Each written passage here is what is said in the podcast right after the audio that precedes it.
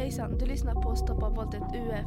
Den här podcasten kommer handla om ungdomsbrottslighet och dess förebyggande arbete. Så ta fram chipspåsen och roa dig med kvällens chitchat. Hej och välkomna till Stoppa våldet. Det här är då andra avsnittet och jag är Suleiman. Jag är Sadia. Och idag ska vi snacka om psykisk ohälsa. Eh, vad anser du är psykisk ohälsa Sadia? Det är väl när en person mår dåligt på grund av till exempel trauma, stress och förväntningar. Ja. Men har du någon gång upplevt att du mår dåligt eller att du har drabbats av psykisk ohälsa? Alltså stress, det har, ju, det har jag haft. Det, är, det kan vara typ stress med skolan och sen det är svårt att uppnå till förväntningar och sånt. Ja, jag tänker på typ pandemin. Jag mådde inte bra personligen. Alltså jag var inlåst. Jag gick inte ut. Folk var sjuka. Jag levde typ digitalt. Jag fick göra allt digitalt. Jag var inte så social men jag träffade knappt folk. Så det tyckte jag inte var lika kul. Men jag kände att det påverkade min psykiska ohälsa för att som sagt jag var väldigt instängd. Och uh, det har mycket med sociala medier tänker jag också göra. Alltså man kroppsideal och sånt. Man jämför sig med andra kändisar och influencers och liknande. Men uh, hur mår en människa som är, hur kan man veta att en människa är, mår psykiskt dåligt? Det är väl om du känner personen innan och sen du ser typ nästa vecka att personen eh, mår sämre eller har en annan slags beteende. Ja, eller om att det har andra rutiner som sagt också. För att som sagt, det är, en väldigt, det är ett stort bekymmer. Som sagt, många ungdomar drabbas väldigt mycket av psykisk ohälsa. Som sagt, som jag nämnde förut, pandemin. Då har många drabbats av den. Och även det finns olika faktorer självklart som påverkar detta. Men här står det att psykisk ohälsa kan påverkas av arv och miljö. Arv betyder då att personens genetik, vilket är det som är medfött och som sagt som man får egenskaper det man ärvt av sina föräldrar. Gud vad jag säger som sagt hela tiden, man är snälla. Och miljön är det runt omkring oss där man växt upp eller lever just nu.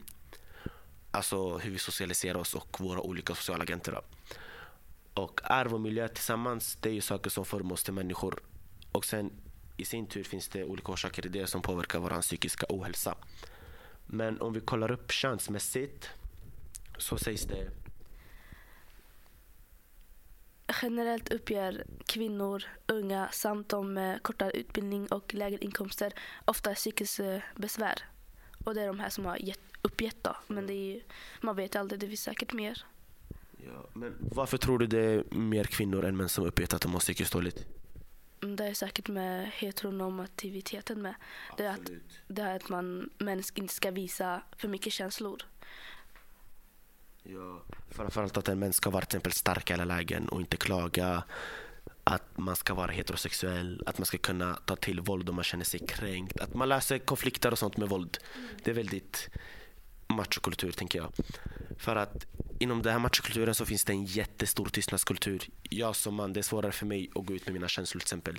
Men tror du det påverkar mig? Alltså, tror du samhället kommer typ se ner på mig om jag kommer ut med mina känslor som man, än som dig som kvinna och talar om hur du mår? Alltså det finns jättemånga som är heteronormativ, heteronormativ säger man så? Ja, påverkas av heteronormativiteten. Ja, det finns jättemånga. Och vissa vågar inte komma ut eller visa förändring. Så de tänker säkert om du hade kommit ut och visat dina känslor skulle de säkert vet du, det, hoppa på gruppen. Eller Ja, följa med rytmen. ja. Och de själva skulle säkert inte vågat gå ut och visa känslor. Men det är så här aggressivitet. Vissa tycker att det är jätteokej att visa ag- aggressivitet men Ja. det är en känsla också. Och vissa glamour, glam, glamorifierar det också. Alltså vissa tycker det är attraktivt när män visar aggression och sånt. Men vad, vad tror du det beror på då?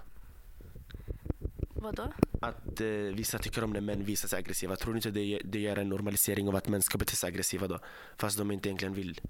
Ja, det är bara att folk hoppar på tåget typ. Alltså, De bara följer rytmen. För här står det att kvinnor uppger dessa besvär dubbelt så ofta som män. 2022 svarade 11% av kvinnorna och 5% av männen att de har svåra besvär. Alltså att kvinnor har angett dubbelt så mycket av svåra besvär. Och lätta besvär och oro eller ångest är betydligt vanligare och uppges av 41% av kvinnorna och 30% av männen. Så ju svåra besvär desto mindre är det männen som uppger och lättare det är mer då. Gud. Men här hittar jag också någonting att det är vanligare att män tar självmord. i Sverige, alltså tre fjärdedelar av alla självmord begås av män eller pojkar. Och med det sagt, enligt SVT så mår män sämre psykiskt. Man uppger inte detta, därav tar sina liv. Jag tänker det påverkat mycket av heteronormiteten och tystnadskulturen. Har du några tankar kring det?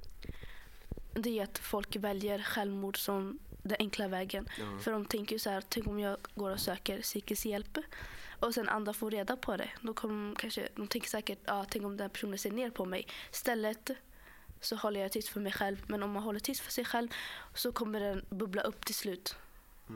Och sen kan det leda till självmord. Men jag tänker, alltså psykisk ohälsa, alltså när, när de säger psykisk ohälsa tänker jag väldigt mycket på hjärnan. Jag tycker psykologi, att man mår sämre på det sättet. Men alltså finns det några kroppsliga symptomer som sticker ut eller att man får typ olika, det av olika slag? Ja, det kan ju vara till exempel hjärtklappning, värk i leder och muskler och mage och även diarré. Ja. Som sagt då. Utan paus där, det känner jag. För att de vanliga symptomen vid psykisk ohälsa det är då att man är nedstämd till exempel hela dagen. Man har minskad eller ökad aptit, att man äter, eller, att man äter mycket eller äter mindre.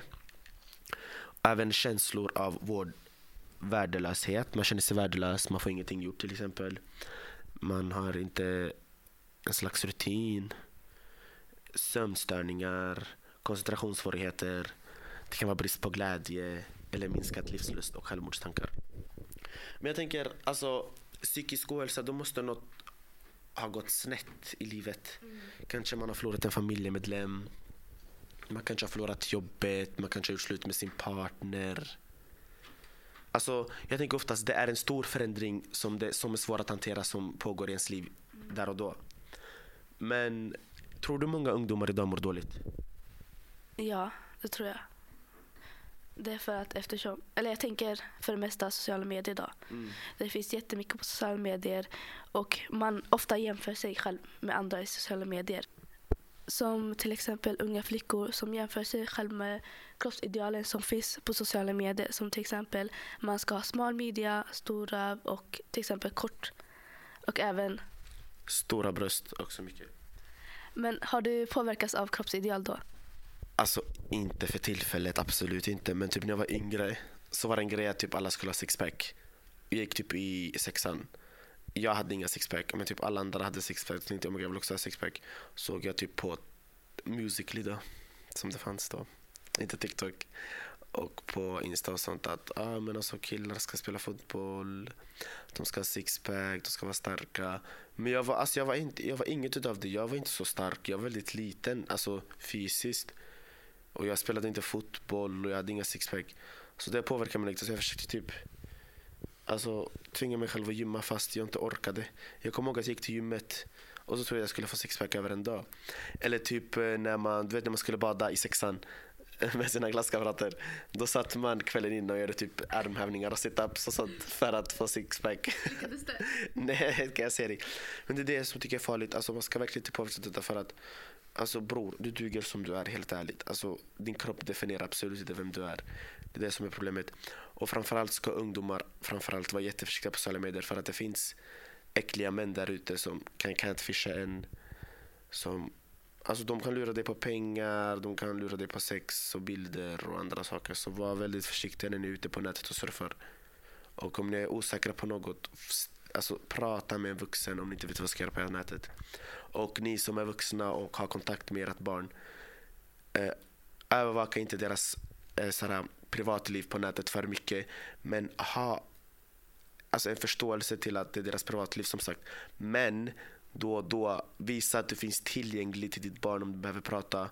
Och ibland kan du frågeställa vad gör du på sociala medier, hur ser du ut? För att säkerställa att inget dumt händer. Tycker jag i alla fall. Ja, det är helt rätt.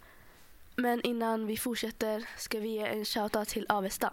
Avesta är en arrangör och artist. Han arrangerar evenemang för människor med funktionsvariationer, psykisk ohälsa och även personer som har blivit utsatta inom mobbning, kränkning och trakasserier. Han driver en ungdomsprojekt inom Göteborgs stad. Tillsammans med Padalen diskuterar de otrygghet i samhället och vad man ska göra för att alla ska må bra och uppleva det bästa. Och vi kommer lägga en länk i beskrivningen. Och hans idé då är att driva evenemang med artister inom musik och dans som är med och uppträder för människor med som sagt funktionsvariationer, psykisk ohälsa och även personer som blivit utsatta för mobbning, kränkning och även trakasserier. Vilket är jättegulligt tycker jag, så jag tycker verkligen ni ska gå in och checka på den. Eller kolla på den då. Vi kommer länka den i vår beskrivning.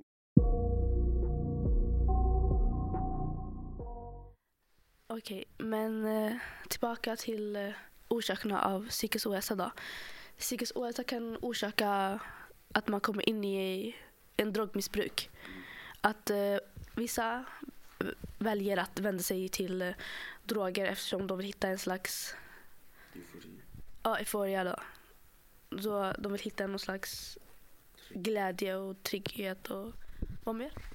Ja men det är som sagt det, alltså, när man väl befinner sig i en sån situation så är det lättare att vända sig till substanser som man tror egentligen gör en glad fast det är bara en effekt och man blir helt enkelt beroende. Vilket i sin tur leder till sen att man mår sämre psykiskt när man väl är beroende av dessa droger. Så det är väldigt viktigt att när man väl mår dåligt att inte vända sig till sådana substanser. Och som sagt tror jag också som ung är det jättelätt och eh, att söka sig som med tanke på att man är i så stort behov av hjälp. Och när man väl anser då, eller har, har hört någonstans att ah, detta hjälper, ta en joint, det lugnar ner dig till exempel. Då med tanke på att man är så stort behov av hjälp så kanske man vänder sig till det. Och sen i sin tur leder det till att man mår sämre med tiden. Men Sadia, Mm. om man nu mår psykiskt dåligt och är ungdom och inte har det bra helt enkelt.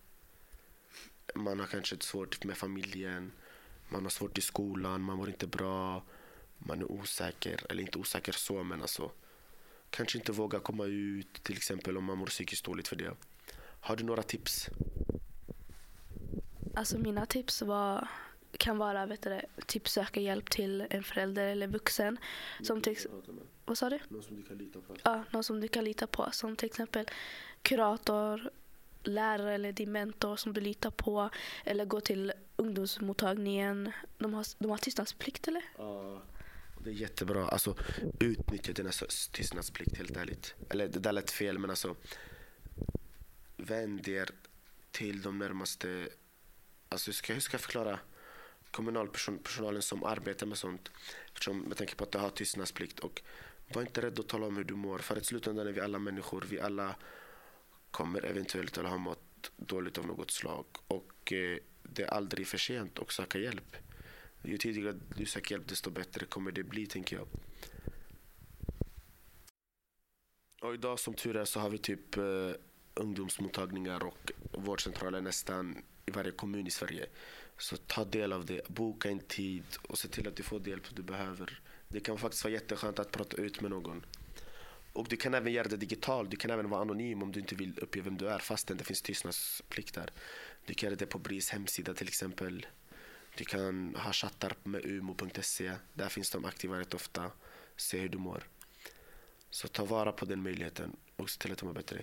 Och våran Insta-DM är också öppen. Så om du känner att du vill snacka med oss så är det bara att höra av dig. Du, du kan vara jättegärna anonym, det spelar ingen roll för oss. Bara du får den hjälpen du behöver som sagt. Om du känner att vi skulle kunna hjälpa dig med något, om du har tips eller råd. Eller om du känner bara att du skulle vilja snacka med några så finns vi här. Men tror du att eh, psykisk ohälsa är kopplat till brottslighet? Alltså det tror jag verkligen. För jag tänker så här, äh, när man väl befinner sig i den situationen så vill man ha hjälp och man kanske hittar en bekvämlighet eller trygg punkt hos andra gäng eller andra brottsligheter som är kopplade till exempel till gäng. För att som sagt man känner sig en del av dem. Då kan det underlätta ens tillstånd för man inte är ensam till exempel. Alltså gängteorin som sagt. Men utöver det så tror jag absolut har med det att göra. För med tanke på att om man mår, nu filosoferar bara. Om man nu mår sådär psykiskt dåligt och inte får den hjälpen. Vad är första tanken då? Att typ någon har gett upp på dig, då mår du ännu sämre.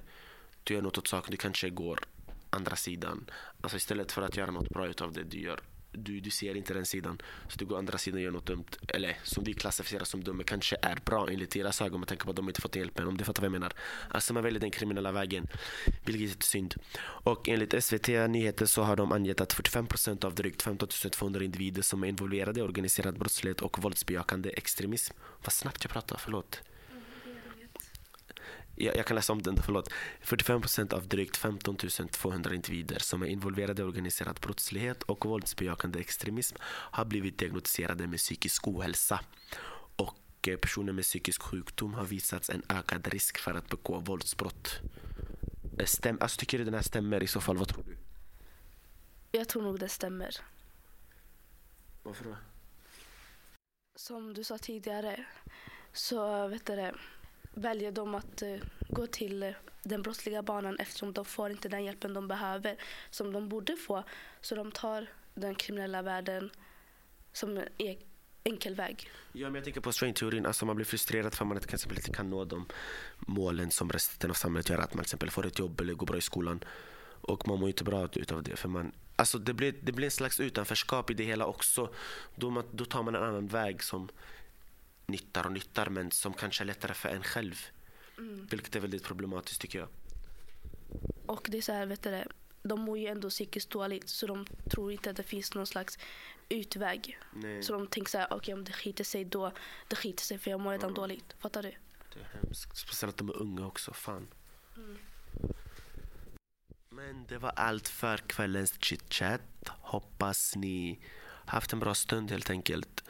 Och som sagt, om ni mår nu dåligt eller känner någon press på er att ni mår psykiskt dåligt eller har stress eller ångest eller trauma eller något sånt och ni vill höra av er får ni jättegärna, det, jätte, jättegärna höra av er till oss. Vår Instagram är öppen, ni kan inte vara anonyma, vi kommer inte gå ut med någon information utan vi finns här som hjälp till er.